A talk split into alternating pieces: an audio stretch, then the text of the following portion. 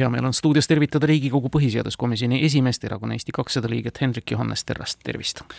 tervist ja ma võtaks siinkohal hetke, et tunnustada Eesti meeste korvpallikoondist eilse võidu eest eh, Leedu üle esimest korda punktimängus. mul on selle üle väga hea meel, ma olen seda kakskümmend aastat oodanud, et hea rõõmusõnum suurepärane positiivne sissejuhatus saatesse.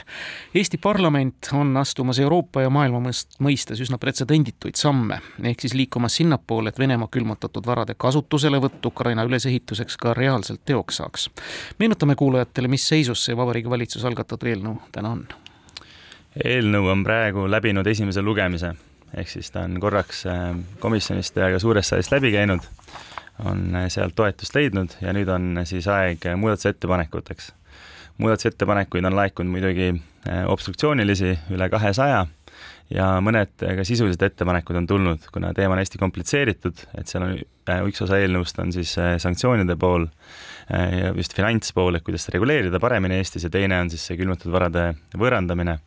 et praegusel hetkel on siis toimuvad arutelud, et me lubasime ka ette, et kuna see on tähtis teema ja seal on palju detaile, mis tuleb selgeks rääkida, et me võtame aja ja kuulame eksperte nii rahvusvahelise suhete valdkonnast kui ka rahvusvahelise õiguse valdkonnast.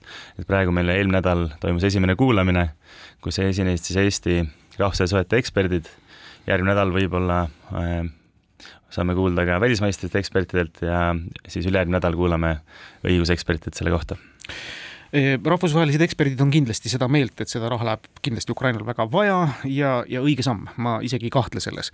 aga pretsedenditud samm, mis kätkeb endas kindlasti väga palju õiguslikke küsimusi, et mitte öelda võimalikke tekkivaid probleeme. no te ei ole veel rahvusvahelise õiguse ekspertidega kohtunud, aga üldjoontes te ju teate, et milliste probleemidega tuleb silmitsi seista ja kas see üleüldse on tehtav? teame väga hästi, siin on see probleem on tuum on ühes kohas, et see on meie põhiseaduse paragrahv kolmkümmend kaks, mis tähendab seda, et ei või äh, inimestelt või ei või võtta ära vara ilma kohese ja õiglase kompensatsioonita.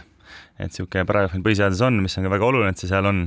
et me meenutame kõike äh, Nõukogude okupatsiooni, kus vara võeti ära täiesti meelevaldselt, et see on tähtis punkt seal, aga küsimus on see, et, kuidas seda tõlgendada, et kas see on see vara konfiskeerimine äh, näiteks, mis on mis on lubatud Eesti Vabariigis, kui sa oled süüdi mõistetud, on ju, kuriteo eest, võib sinu vara konfiskeerida, samamoodi on riive paragrahv kolmkümmend kahele põhiseadusest. aga küsimus on selles, et kas, et kui idee on see, et võetakse ära vara ja antakse kohe neile vastu nõudeõigus Vene Föderatsiooni vastu eh, samas summas, ehk siis idee on selles, et Ukraina esitab nõude, kahjunõude agressorriigi vastu, siis eh, saadab selle nõude Euroopa Komisjoni ja siis toimub kolme riigi, eh, kolmevaheline leping, Euroopa Komisjoni, Ukraina ja Eesti vaheline leping, et see nõue, siis Eesti maksab selle nõude kinni eh, Vene külmutatud varadega ja siis nende varade omanikud saavad nõudeõiguse Vene riigi vastu.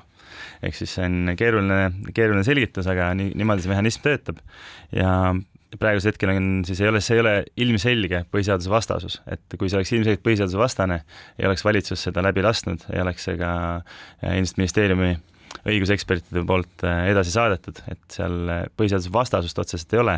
küsimus on see, kuidas tõlgendada seda, et kas see kompensatsioon, et anda nõudeõigus Vene Föderatsiooni vastu, on kohene ja õiglane ja selle üle me praegu arutame ja loodame, et saame selgust siis äh, kahe nädala pärast. mul hakkas mõte liikuma sinna suunas, et kas põhiseadus mitte ei kätke Eesti kodanikega seonduvat ja, ja kas ta nüüd Vene kodanikele ka selles küsimuses laieneb või mitte ta laieneb kõigile meie territooriumil olevatele inimestele. selge. mis laadi varast ja vahenditest me muide räägime, kui suur on hetkel siis Eestis külmutatud vara?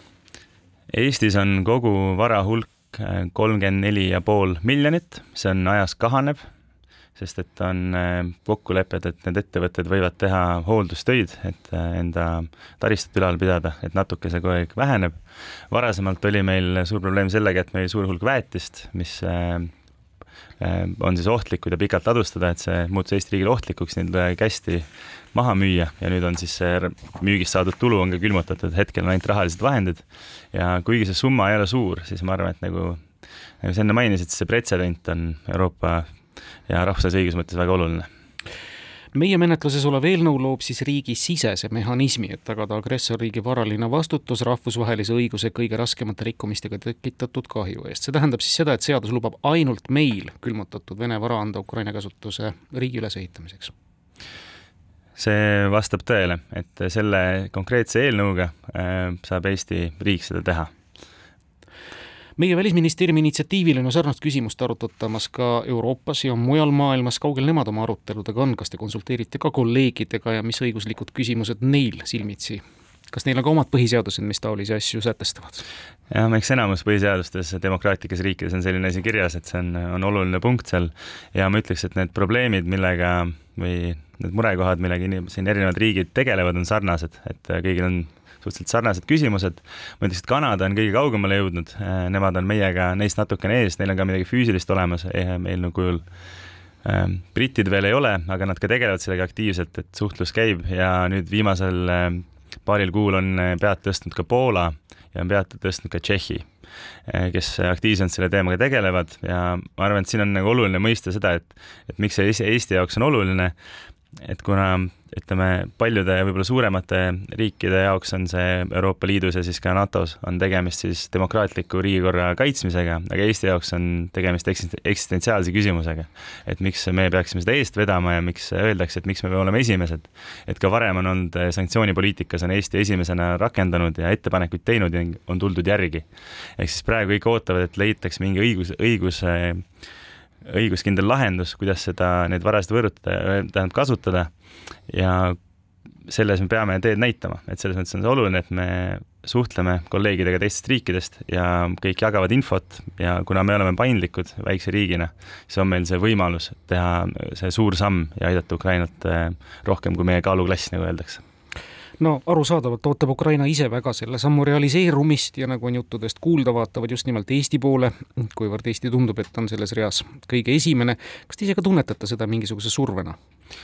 survet äh, me kindlasti ei tunne, et ukrainlased äh, on selle teemaga kursis ja järgmine nädal on äh, kui kõik läheb äh, ootuspäraselt, äh, osalevad ka kõrged Ukraina riigitegelased äh, põhiseaduskomisjoni istungil, et sellest rääkida.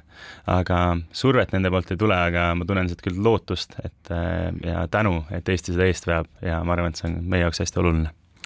Kas on tunda ja tunnetada, et kui selle ukse avame, selle seaduse vastu võtame, tulevadki ülejäänud partnerid kaasa ja Venemaa külmutatud vara hakkabki reaalselt Ukraina ülesehituseks voorima, noh, täitsa niimoodi reaalselt me suvel juba näeme noh, mingisuguseid edusamme või ma kardan, et siin vist tuleb üsna palju veel Euroopa õigusega rinda pista mm. -hmm. ma suve peale ma ei loodaks mm, -hmm. et mhm. ma saan aru, et paljud riigid ka, miks nad ootavad, äh, välja arvatud need, keda ma nimetasin, siis et nad ootavad, et Euroopa Liit leiaks äh, ühise lahenduse. aga Euroopa Liit on teatavasti või võtab äh, aega, et seda läbi mõelda pikemalt, et selle jaoks ongi oluline, nagu te enne mainisite, pretsedent.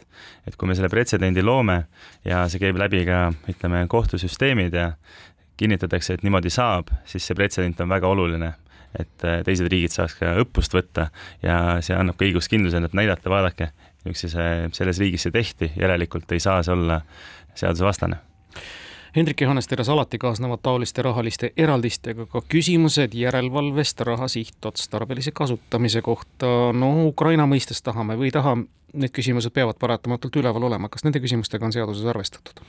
Äh, siin on tegemist siis mitte otseselt selle seadusega, vaid lepinguga siis Euroopa Komisjoni, Ukraina ja Eesti Vabariigi vahel. et see leping sätestab täpselt selle raha liikumise, kui see peaks võimalik olema ja siin noh et see ja ka järelevalve selle üle, et on ka näiteid, kus see raha ei pruugi ka minna otse Ukrainasse või läheb äh, mingile ettevõttele, kes aitab Ukrainas midagi üles ehitada, nagu nende lasteaedade näite puhul oligi samamoodi. ja nüüd kodumaise poliitika juurde korra tulles mainisite nüüd üsna mitmeid obstruktiivseid ettepanekuid, ega see nüüd ei pane seda eelnõu seisma või toppama, sest ma usun, et siin on küll nüüd konsensus ju parlamendis tegelikult olemas ja kõik muud asjad, need obstruktsioonilised ettepanekud on hoopis teiste eesmärkidega seotud no siin on, äh, ma üritaks hoiduda hinnangu andmisest, aga ma isiklikult ei usu, et see läheb ilma obstruktsioonita, et juba ka eelmise nädala istungil oli näha, et äh, paremäärmus on oma seisukoha kujundanud, see seisukoht ei ole toetav, ta ei ole ka otseselt välistav, aga ta on kaikaid kodratesse viskav, aga ma usun, et me saame sellest, äh, saame sellest üle. ehk siis lõpetuseks küsides, kas see seaduseelnõu läheb siis usaldushääletusega parlamendi suurde saali lõpuks või mitte?